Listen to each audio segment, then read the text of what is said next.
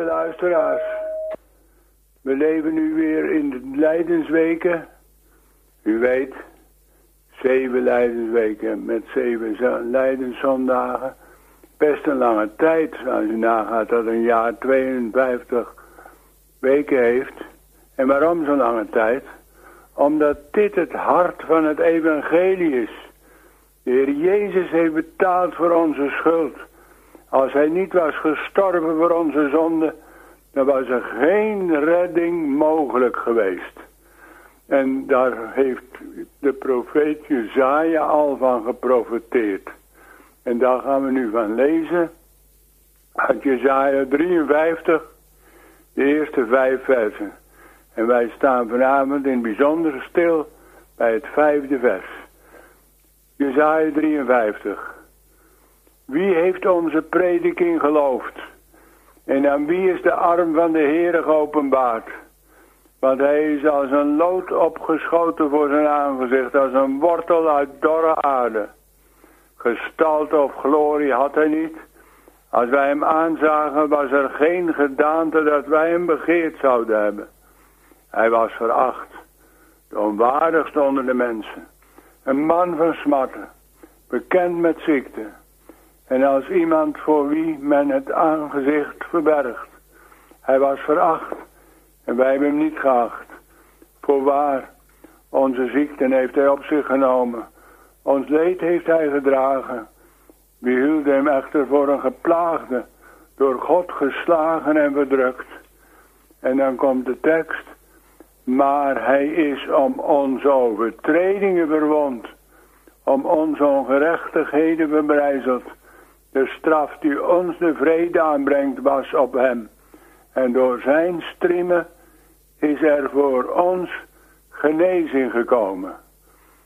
Dat is die profetie van Jezaja. En we zetten erboven, hij voor mij. Hij voor mij. Ja, dat is Jezus Christus, de borg en middelaar. Ja, in de lijdenstijd worden we stilgezet bij het lijden en sterven van de Heer Jezus Christus.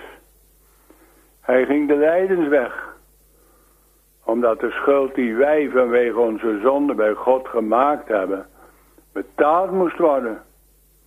Hiervan horen we nu ook zo duidelijk de Heere spreken in Jezaja 53. Maar hij is om onze overtredingen verwond. Het zijn onze overtredingen die hem zo deden lijden. Het is onze schuld.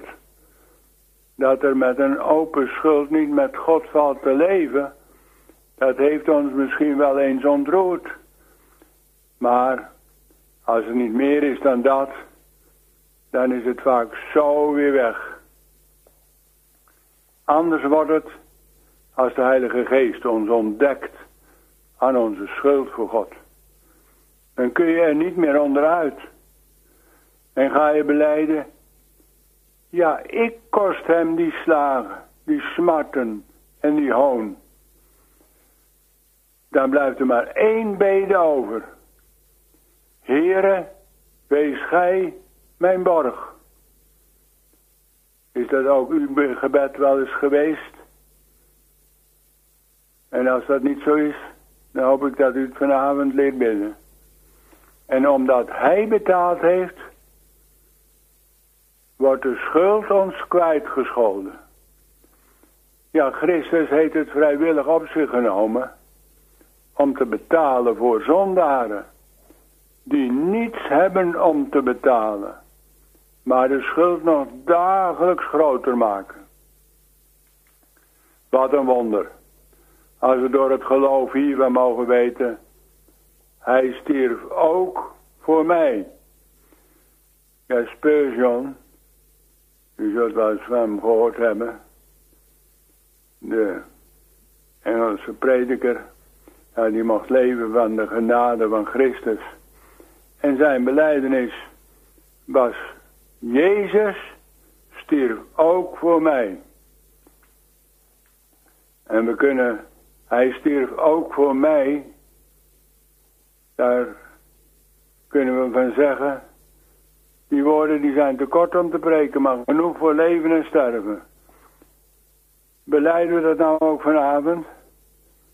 Hij stierf ook voor mij en maakt mij voor eeuwig vrij.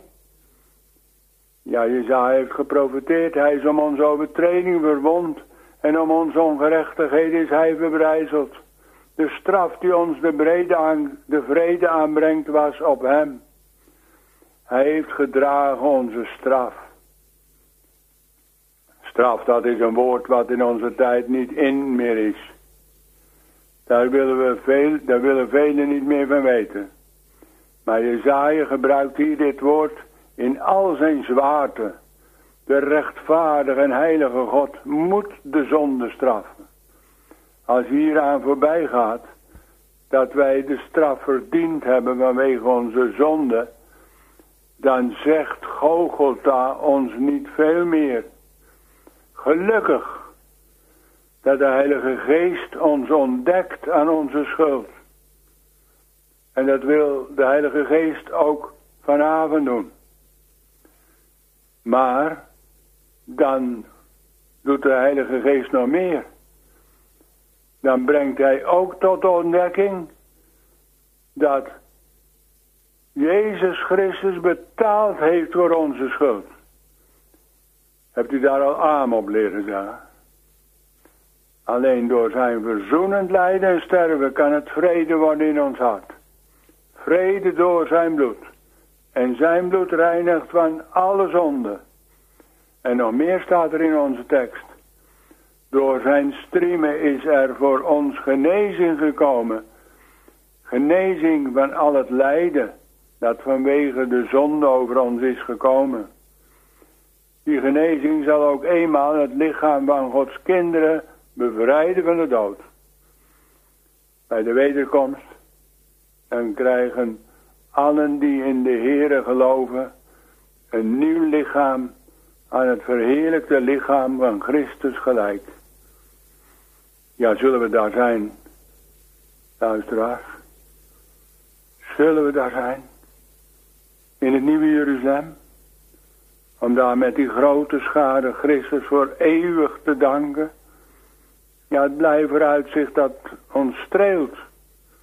En, en de tekenen van de tijd waarin we leven, zoals die bijvoorbeeld ook door de Heer Jezus uitgesproken zijn in Matthäus 24. En er zullen komen epidemieën en dan kun je denken aan het coronavirus. En dan gaat het nog verder. Daar zullen rampen over de wereld komen.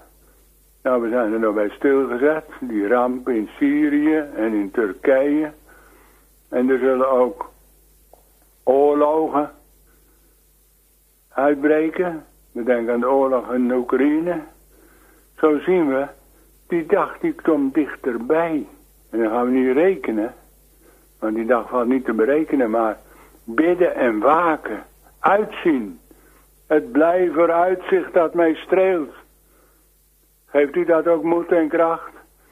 Hij komt terug. Hij komt weer. De wederkomst. En als de Heer Jezus is weergekomen, dan zal Gods koninkrijk in heerlijkheid verschijnen. Geen ziekte meer, geen dood meer, geen rouw meer, geen strijd meer. Om dan de Heer in volmaaktheid te dienen. Dat krijgen we hier niet klaar.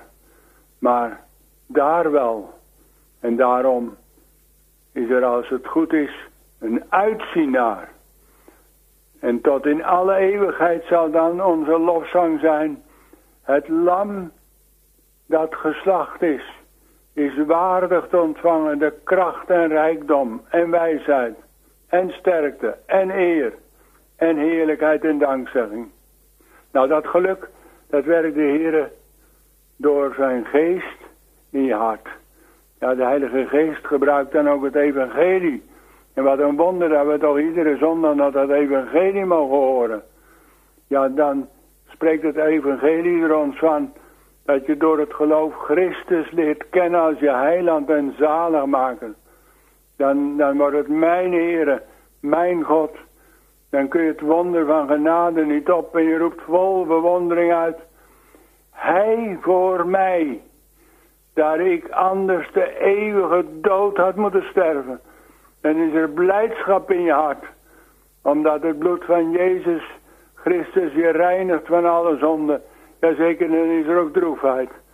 Dat ik vanwege mijn zonde hem al dat lijden heb aangedaan. Maar hij is toch gekomen om zondaren te redden. Dan kun je er niet onderuit. Dan zeg je hart daar aan op. En je weet niet hoe je de Heer ervoor moet danken. Dan mag je in die lijdenstijd verwonderd zijn. Dat hij betaald heeft voor onze schuld. Volkomen betaald. Hij heeft het volbracht. Voor mensen die er alles hebben doorgebracht. Zulke mensen als wij zijn. En dat is zijn liefste werk. Om zondaren zalig te maken. Ja, dan geeft dat uitzicht. Ook als je oud bent. Dan heb je toch dit uitzicht. Dwars over de dood heen. Komt de heerlijkheid van God je tegemoet. Hij voor mij ja dan ga je daarvan roemen. Zoals er dan ook nu gehoord wordt van die, dat gezang. Jezus leven van mijn leven. Jezus dood van mijn dood. Die voor mij werd gegeven. In de bangste zielenood. Opdat ik niet hulploos sterven. Maar uw heerlijkheid zou erven. Duizend, duizendmaal, o Heer zij u daarvoor dank en eer. En beste luisteraars, ik hoop dat we daar met die grote scharen de Heer voor eeuwig zullen danken. Voor eeuwig hem de eer toebrengen. En dan zien al Gods kinderen op hem, de Heer Jezus. Ja, hij heeft het gedaan. Uiteindelijk was er niets van ons bij. Het is alles zijn werk, zijn genade en die genade is genoeg. De dingen van de wereld zijn niet genoeg. Maar die genade die God schenkt in Christus, die is genoeg. En houd dat vast. Hij wil het geven aan de grootste van de zondaren. Denk maar aan die moordenaar aan het kruis. En zo wil de Heer het ook vanavond aan een ieder van ons geven. Dan kun je alleen maar vol bewondering zeggen... Heere, dat u naar mij om wil zien. Waar heb ik het aan verdiend? U alleen de eer en de dank. Van nu aan tot in de eeuwigheid. Amen.